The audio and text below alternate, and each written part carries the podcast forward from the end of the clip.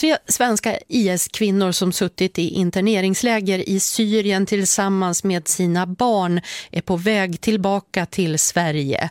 De har utvisats på livstid från det kurdiska självstyret eftersom de anses vara en säkerhetsrisk. Och enligt uppgifter till Ekot ska en av kvinnorna ha rekryterat kvinnor från Sverige till IS.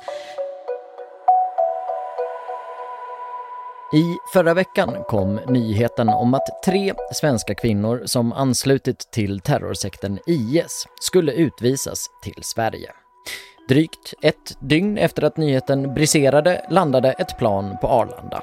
Och i samband med det greps och anhölls två av kvinnorna misstänkta för krigsförbrytelser. En dag senare släpptes de båda på fri fot, men misstankarna de kvarstår. Vad som kommer att ske juridiskt, det återstår att se. Men helt klart är att historien om de svenska IS-kvinnorna än en gång aktualiserat debatten om hur Sverige ska hantera de medborgare som anslutit sig till kalifatet. Kan Sverige vägra att ta emot de medborgare som frivilligt rest till IS? Vad händer med de här kvinnornas barn? Och hur sannolikt är det egentligen att man kommer att kunna dra de här människorna inför rätta i Sverige? Det och mer i dagens Aftonbladet Daily med mig, Marcus Ulfsand.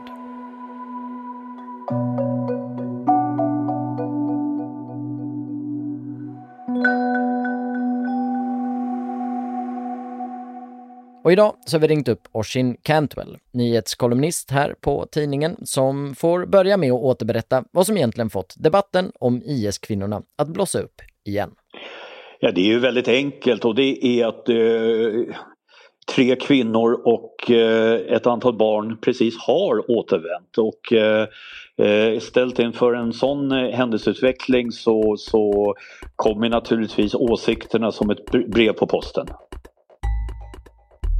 Ja, åsikterna kom onekligen som ett brev på posten. Vi vet ju sedan tidigare att Sveriges hantering av de människor som anslutit sig till IS är en fråga med mycket politisk sprängkraft. Och debatten lät inte vänta på sig den här gången heller. Samma kväll som planet landat på Arlanda möttes Socialdemokraterna och Moderaterna i SVTs Agenda för att diskutera problemet. Inrikesminister Mikael Damberg drev linjen att Sverige inte har särskilt mycket val när de här medborgarna utvisats av det kurdiska självstyret. Nu har vi en situation där vi har stöttat det kurdiska regionala självstyret att försöka åtala de här personerna på plats i regionen. Sverige var ju väldigt pådrivande i den processen.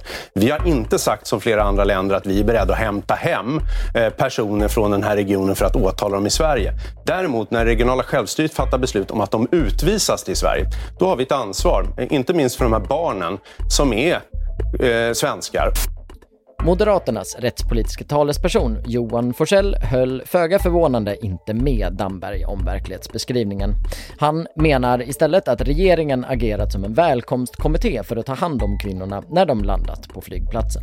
Men återigen, är det så att man verkligen bryr sig om Sveriges säkerhet, då ser man inte till att på det här sättet aktivt bistå personer som faktiskt är säkerhetsrisker att ta sig till Sverige. Och det är vad ni har gjort. Trots att ni vid flera tillfällen i Sveriges riksdag, det är bara att titta i kammarens protokoll, ju har sagt att det var det som inte skulle ske. Hur vi hade hanterat det? Ja, det är ju så att kommer de till Sveriges gräns, då får man försöka lagföra dem. Men vi hade ju till exempel, vilket är något vi har drivit under flera års tid, lagt fram förslag om att kunna återkalla ett medborgarskap om det är så att man har valt att ansluta sig till en sån här terrorsekt. Och det har ju regeringen inte velat göra. Det hade varit väldigt värdefullt.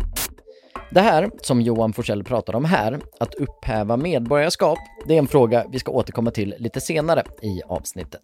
Men först återvänder vi till Oshin Cantwell igen för att sammanfatta vad regeringen och oppositionen egentligen vill att man gör med de återvändande IS-kvinnorna.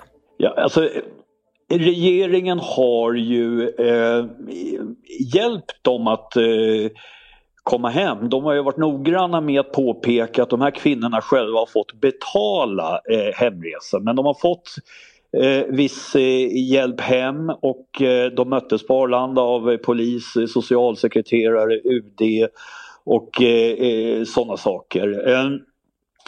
Oppositionen, ja, de, de klagar och säger att Sverige inte ska hjälpa till. De har pratat om en välkomstkommitté eh, på Arlanda och eh, är, är allmänt kritiska. Men jag tror att man ska se det här i ljuset av att eh, oppositionen ägnar sig åt det de ska ägna sig åt, nämligen vara opposition. Eh, om rollerna hade varit de omvända, om det hade varit en borgerlig regering så hade det sett likadant ut. Därför att eh, Sverige har inget annat val än att ta emot svenska medborgare, så säger grundlagen och då är det ju bättre att polis och Säpo har koll på hur de återvänder än att de förr eller senare återvänder och slinker in kanske i smyg och går under jorden. Ja, för att eh, du är inne på själva knäckfrågan där, men går det på något sätt att komma runt den lagstiftningen eller är det, det är helt enkelt så att det går inte att vägra att ta emot de här eftersom de är svenska medborgare? Eh, eh, grundlagen är otvetydig. Sverige kan inte säga nej till att släppa in egna medborgare och det är inget spe speciellt för Sverige. Så ser det ut i hela världen. Om vi kommer då till de här kvinnorna, det är tre stycken som har eh, flugits hem till Sverige, eh, det är två stycken som greps och anhölls för brott. Om vi tar just den här brottsligheten, vad, vad är det de är misstänks ha gjort sig skyldiga till? Eh, det är rubricerat som krigsbrott och exakt vad det betyder i just det här fallet det vet vi eh, ännu inte riktigt. Det, det, det är liksom ett, ett paraplybegrepp och kan innehålla väldigt eh, mycket. Allt från eh, de mest bestialiska mord till eh, i sammanhanget mer eh, milda förbrytelser. Och skälet till att åklagare eh, har, ha valt att rubricera det på det sättet är att eh, Sverige har till skillnad mot ganska många andra europeiska länder ingen lagstiftning som förbjuder deltagande i en terrororganisation. Alltså de här människorna, de här kvinnorna har ju anslutit till IS. Eh, och, eftersom, och eftersom Sverige inte har haft någon lag mot deltagande i terrororganisation så, så faller den enklaste möjligheten att lagföra dem. Och då har eh, åklagare försökt istället med att rubricera det som krigsbrott. Det, det låter ju onekligen som väldigt allvarlig brottslighet som man i alla fall misstänker. Eh, jag tror att vissa tycker att det är lite märkligt att de här kvinnorna ändå släpps på fri fot med tanke på hur brottsrubriceringen lyder. Hur, hur ska man förklara det? Ja, eh, den eh, förvåningen är inte alls eh, eh, märkligt för precis som du säger krigsbrott det låter väldigt allvarligt, det är också väldigt allvarligt. Nu har åklagare sagt att eh, de här kvinnorna inte kan försvåra utredningen om de är på fri fot och eh, eh det stämmer säkert också men eh, någonting säger mig att det här är inte hela sanningen. Jag tror att om det hade funnits eh, starka bevis så hade de blivit begärda häktade och också blivit häktade det är ju fortfarande väldigt, väldigt tidigt i den här rättsprocessen och det här är väl självklart svårt att svara på. Men vad tror du, alltså om man tittar på tidigare liknande fall, hur stora är chanserna att, att man ska kunna dra, dra de här människorna inför rätta? Ja, eh, sannolikheten är nog inte särskilt stor. Vi, vi har, det har tidigare varit eh, förundersökningar rörande sex andra kvinnor som har återvänt från eh, IS, Syrien, Irak. Eh, även det har rubricerats som krigsbrott. Fem av de sex förundersökningarna är nedlagda vilket är en fingervisning. Å andra sidan är det så här att vissa, flera av de här brotten de kommer aldrig att bli preskriberade. Krigsbrott är väldigt svåra att utreda. Det, vi, vi, vi har ju fortfarande exempel på 70-80 år senare hur eh, gamla nazister för, i, i, Tyskland ställs inför eh, eh, rätta för förbrytelser begångna under andra världskriget. Vi har i Stockholm just nu en pågående rättegång rörande mord, eh, eh så ett antal mord som begicks i fängelse i Iran på 1980-talet. Så, så eh, rättvisans kvarnar maler långsamt och aldrig maler de så långsamt som i, i just det här sammanhanget. Vad vet vi egentligen om vad som händer med barnen i de här fallen? De har redan omhändertagits eh, av sociala myndigheter. Eh, det förefaller vara ett eh, rimligt och korrekt beslut. Men man ska liksom inte ta med sig barn till sådana här miljöer. Det förstår nog de flesta, det lär de allra flesta hålla med om. Och det följer också samma mönster till tidigare återvändande IS-kvinnor. Där har barnen också blivit eh, omhändertagna och placerats ut i fosterfamiljer. jag tänker en diskussion som också har uppkommit eh, parallellt med det här eller i samband med det här är ju att eh, andra länder har ju valt att upphäva IS-anslutna människors medborgarskap. Alltså varför gör inte Sverige det? Ja, det har andra länder gjort bara i de fall där det finns dubbelt medborgarskap. Eh, det går inte att ta ifrån en människa det enda medborgarskapet hon har för då blir hon statslös. Eh, att Sverige inte har gjort det, det har vissa partier, exempelvis Sverigedemokraterna har ju krävt det. Va? Men för att kunna göra det så krävs en grundlagsändring och eh, ändra grundlagar det gör man ju inte hur enkelt som helst. Det måste först fattas ett riksdagsbeslut, sen måste det vara val emellan och sen måste riksdagsbeslutet fattas än en gång. Um, för, för, drygt ett år sedan så rasade en annan debatt som på vissa sätt låter lika, li, lite likadant som det låter idag och det handlade då om när Säpo ville utvisa sex imamer som ansågs utgöra ett hot mot rikets säkerhet. Um, mm. Alltså kan samma situation uppstå här? Att Säpo anser att de här människorna som återvänt från IS helt enkelt är så farliga att de inte eh, kan vara kvar i landet?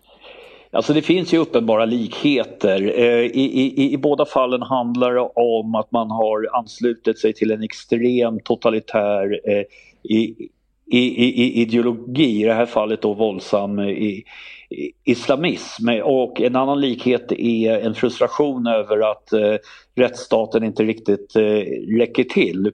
Men där upphör också likheterna. Därför att de här imanerna, de, de var ju inte svenska medborgare och eh, då går det att utvisa dem. Eh, så är ju inte fallet med de här återvändande kvinnorna, de är svenska medborgare. Och då har Sverige inget annat val än att eh, eh ta emot dem. Mm. Avslutningsvis bara, vad, vad, tror du, hur, hur kommer det här utvecklas framöver? Ja, vi, vi, vi har ju redan sett vissa lagändringar. Exempelvis är, är det numera olagligt det samröre med terrororganisation. Eh, det, det, den lagstiftningen är dock lite, så det, den träffar inte riktigt de här eh, sakerna. Va? För då måste man kunna bevisa att man också har liksom, eh, aktivt eh, eh bidragit till den här organisationen eh, på ett eller annat sätt. Och, eh, vad vet vi om de här kvinnorna? De kanske bara varit hemma, liksom, eller bara, bara i den situationstecken, men tagit hand om hem och hushåll och barn. Eh, och då räcker inte det. Eh, nu i, kommer ju deltagande i terrororganisation också att eh, förbjudas. Va? Det, det, det, är på gång men det krävs en grundlagsändring och då måste först riksdagen fatta beslut och sen eh, ska det vara val och sen eh, kommer det att träda i, i kraft eh, efter att riksdagen har fattat ytterligare ett beslut. Men det gäller ju inte retroaktivt så alla de här människorna, de flesta av de cirka 300 svenskar som åkte till Syrien och Irak de åkte ju redan 2013, 14, 15 och eh, eh, eh, de går liksom inte att, att, att, att, träffas av det här. Jag misstänker att hela den här IS-debatten så småningom det kommer nog eh, lugna ner sig och falla i någon form av glömska. Sist här hörde vi Oisin Cantwell, nyhetskolumnist på Aftonbladet. Jag som pratar nu, jag heter Marcus Ulfsson och det här det är Aftonbladet Daily, vår dagliga nyhetspodd.